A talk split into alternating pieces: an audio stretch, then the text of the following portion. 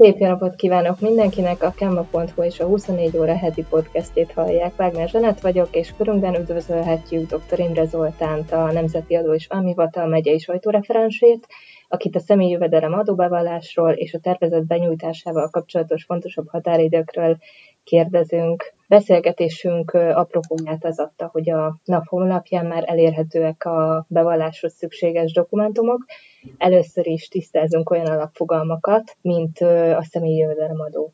Mi is az pontosan, milyen mértékben kell adózni ma hazánkban. Szép jó napot kívánok! A jelenlegi SZIA 1988 óta létezik. Adót kell fizetni minden pénzben és minden nem pénzben megkapott vagyoni érték után. Az adókötelezettségnek nem feltétele, hogy pénzben juttassák. Persze vannak adómentes jövedelmek. Általánosságban SZIA-t fizetünk a munkabér után, az ingatlan értékesítés, az ingatlan bérbeadás után, az osztalék a kamatjövedelem vállalkozásból származó jövedelmek után. Általában 15% az SZIA kulcsa, Egészen 2010-ig egyébként két kulcsos volt, tehát ez csak 2011 óta van, hogy, hogy egy SZIA kulcs van. Adóalap és adókedvezmények csökkentik a fizetendő jövedelemadót, és vannak adómentes jövedelmek. Ha már adómentesség, és említettük a, a csökkentés lehetőségét, akkor kik a kedvezményezettek? Vannak például nagycsaládosok vagy fogyatékkal élők, ők is ugyanúgy adóznak? A családosok úgynevezett adóalap kedvezménnyel csökkenthetik az adóalapjukat, Végeredményben ez a nettóban azt jelenti, hogy a családi adókedvezmény egy gyermeknél havi 10 ezer forint, két gyermekeseknél ez havonta 20, 20 ezer forint, három vagy több gyermekeseknél pedig gyermekenként havonta 33 ezer forint. Ha pedig nincs annyi jövedelemadó, mint amennyi a kedvezmény igénybevételéhez szükséges lenne, akkor ez a járulékból is igénybe vehető. Amennyiben a gyermek sajnálatos módon tartósan beteg, akkor 2023-tól ez a családi kedvezmény, amit említettem, további 10 ezer forinttal növelten érvényes, tehát mondjuk egy két gyermekes családnál, ahol 20-20 ezer forint lenne a kedvezmény, akkor, és ha mondjuk sajnálatos módon mind a két gyermek tartósan beteg, akkor ez összesen 60 ezer forintot jelent, a nettó fizetés 60 ezer forinttal több térjünk át a bevallásra, ott tanácsos ügyfélkaput használni, vagy pedig ez a hagyományos módszer is él, hogy bemegyek személyesen, és az ügyfélszolgálatan, a ügyfélszolgálatán kérek segítséget? Természetesen segítünk az ügyfélszolgálaton a hozzánk érkezőknek, azonban én mindenkinek javaslom, hogy inkább az ügyfélkaput használják, ugyanis úgy elkerülhető a sorbanállás, otthonról kényelmesen lehet intézni az ügyeket. Egyébként Komár-Mesztergom megyében már a bevallásoknak a kétharmadát ügyfélkapunk keresztül adták be, vagy fogadták el. Elkészült a tervezet, most akkor ott tartunk, hogy mi a tendőnk, ezután mit, mit kell reagálni, vagy hogyan kell lépni, vagy mi a következő lépés. A nap honlapján elérhető az üres SZL bevallás, tehát ez még nem a tervezet, ez csak egy üres SZL bevallás.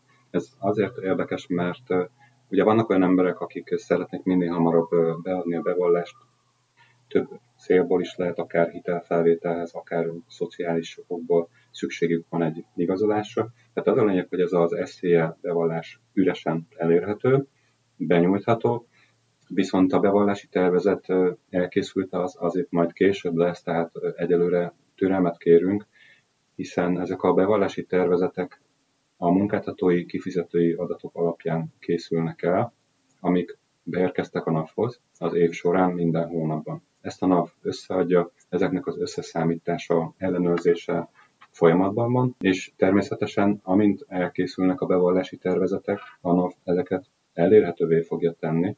A végső határideje ennek március 15. Tehát aki ügyfélkapuval rendelkezik, március 15-től eléri a bevallási tervezetet, azonban már tavaly is március 5-től elérhetővé tette a NAV. Tehát a NAV mindent megtesz azért, hogy minél hamarabb viszont ennek a véghatárideje tehát március 15. Magát a, a bevallást mikorra kell elkészíteni, és kíváncsi vagyok arra is, hogy mi a tendő akkor, ha például túllépem a megadott határidőt, hogyan reagál erre a NAV? A bevallási tervezet ugye elkészül az őstermelőknek, a magánszemélyeknek, az egyéni vállalkozóknak, tehát gyakorlatilag mindenkinek, minden magánszemélynek készít bevallási tervezetet a NAV, mindenkinek május 22 a bevallási határidő, tehát ugye május 20 az szombatra esne, ezért május 22 hétfő lesz a bevallási határidő. A legtöbb ember számára a bevallási tervezet automatikusan át fog fordulni érvényes bevallássá, azonban mindenképpen javasolja azt, hogy vessék össze a munkáltatói kifizetői adatokkal a bevallási tervezet adatait, hiszen előfordulhatnak eltérések, tehát bárkinek az oldalán előfordulhatnak hibák, és az őstermelők, az egyéni vállalkozók, valamint az áfás magánszemélyek esetében pedig azzal a különbséggel kell ezt érteni, hogy nekik mindenképpen hozzá kell nyúlni a bevallási tervezethez, hiszen az ő esetükben a bevallási tervezet nem fog automatikusan bevallás, nem válhat automatikusan érvényes SZIA bevallássá. Tehát, hogyha olyan eset van, hogy mondjuk nulla forint volt a jövedelem, mert mondjuk sokáig szüneteltette, de akár egy napig is működött, de nem volt bevétele az egyéni vállalkozónak, akkor is egy nullát neki be kell írnia, mert különben nem fog átfordulni érvényes uh-huh. bevallássá. Említettük a hibát. Akkor mi a teendő, hogyha mondjuk hibát észlelek? Hol kell jeleznem? Kinél kell jeleznem? Milyen úton, módon kell jeleznem? Az ügyfélkapuval rendelkezők vannak a legegyszerűbb helyzetben, hiszen ők csak belépnek az LCA felületre, és az ügyfélkapus beazonosítást követően az SCA bevallási tervezetet tudják módosítani, kiegészíteni. De egyébként, ha már itt tartunk, aki ingatlant adott el és abból jövedelme volt, vagy lakást adott ki, nekik is mindenképpen ki kell egészíteni a bevallási tervezetet.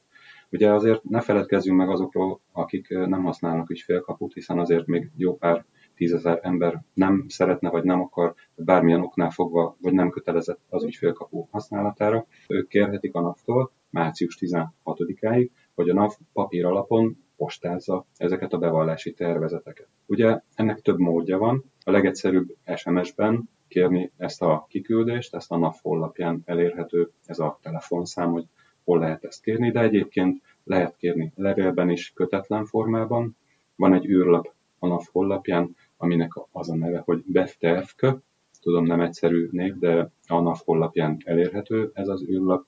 Tehát számos módon lehet kérni a NAV-tól, már akár a mai naptól kezdve is, hogy küldjék ki a bevallási tervezetet. Természetesen, mint ahogy említettem, még nincsenek kész a tervezetek, viszont amint kész lesz a tervezet, a NAV ezeket fogja postázni. Pedzegettük már azt a, a témát, hogy ha bevallás csúszik, akkor, akkor mi is a tendő.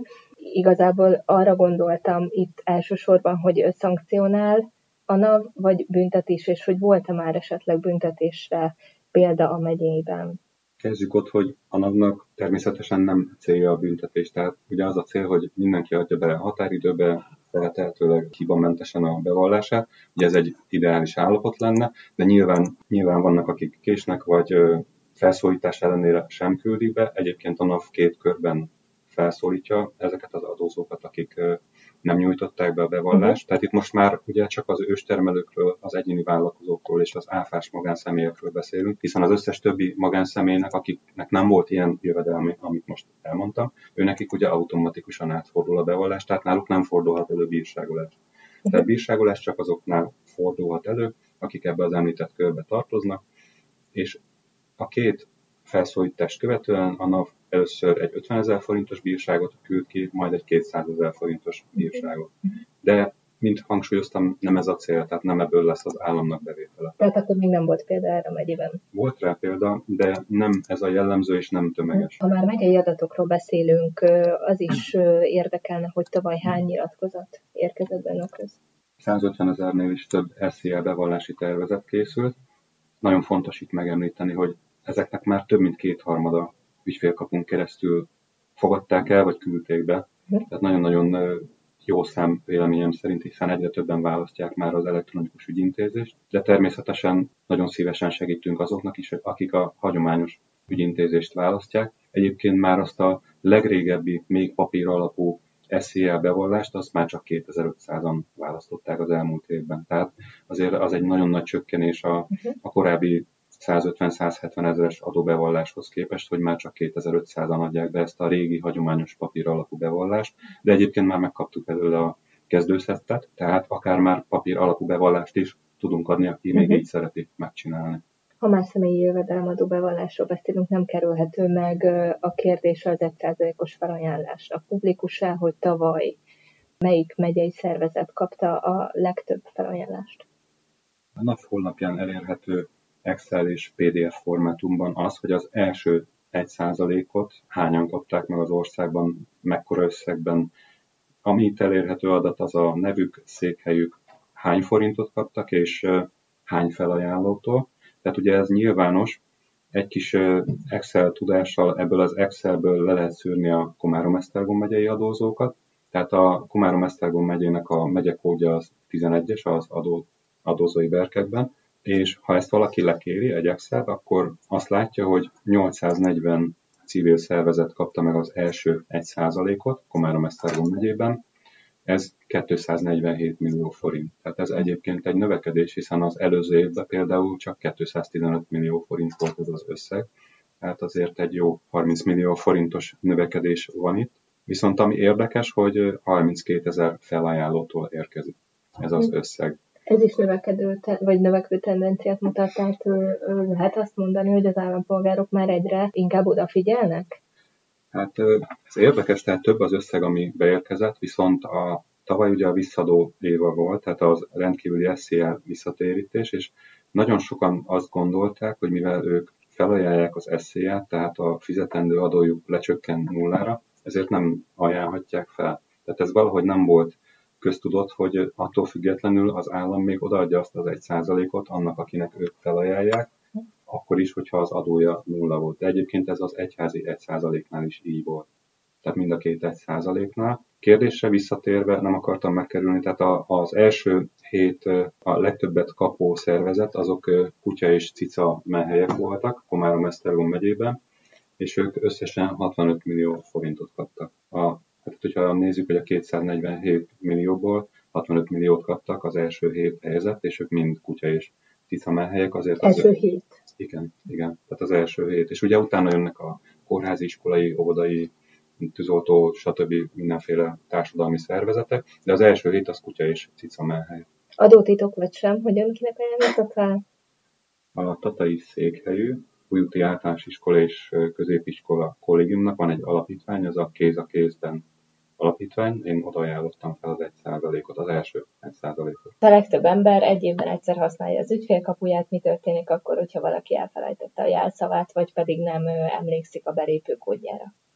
legegyszerűbb az az eset, hogyha csak a jelszavát felejtette, de a felhasználó nevére még emlékszik. Ebben az esetben ugyanis az ügyfélkapu.gov.hu átirányít egy kau.gov.hu felületre, ahol van egy ilyen csempe, hogy elfelejtett jelszó, ahol be kell írni a felhasználó valamint arra kell rákattintani, hogy elfelejtett jelszó, meg kell adni a ügyfélkapuhoz használt e-mail címet, és ebben az esetben fel lehet frissíteni a jelszót. Amennyiben valaki a felhasználó nevét felejtette el, az már egy kicsit bonyolultabb, de az sem teljesen reménytelen, ugyanis a NAV-oknál is, tehát a NAV központi ügyfélszolgálatán tatabányan a Komármiú 42-ben is tudnak segíteni az ügyfélszolgálatos kolléganők ebben, valamint négy kabablakban, Tatán, Komáromban, Kisbéren és Oroszlányban is vannak kabablakok, tehát NAV ügyintéző várja a járási hivatalban a, az ügyfeleket, valamint Esztergomban is elérhető a NAV, van egy kirendeltség a Babis Mihály utca 2-ben. De egyébként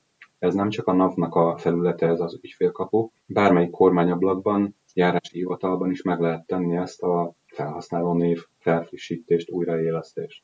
Amit említettél, ez a honlapon átirányítják az ügyfeleket, ez a KAÜ. Minek rövidítése? Központi azonosítási ügynek. Végszóként akkor mondjuk el még egyszer, hogy mi a legvégső határidő az ügyfeleknek az adóbevallás benyújtásával. A végső határidő minden magánszemély számára május 22. Köszönöm szépen a beszélgetést. Köszönöm szépen.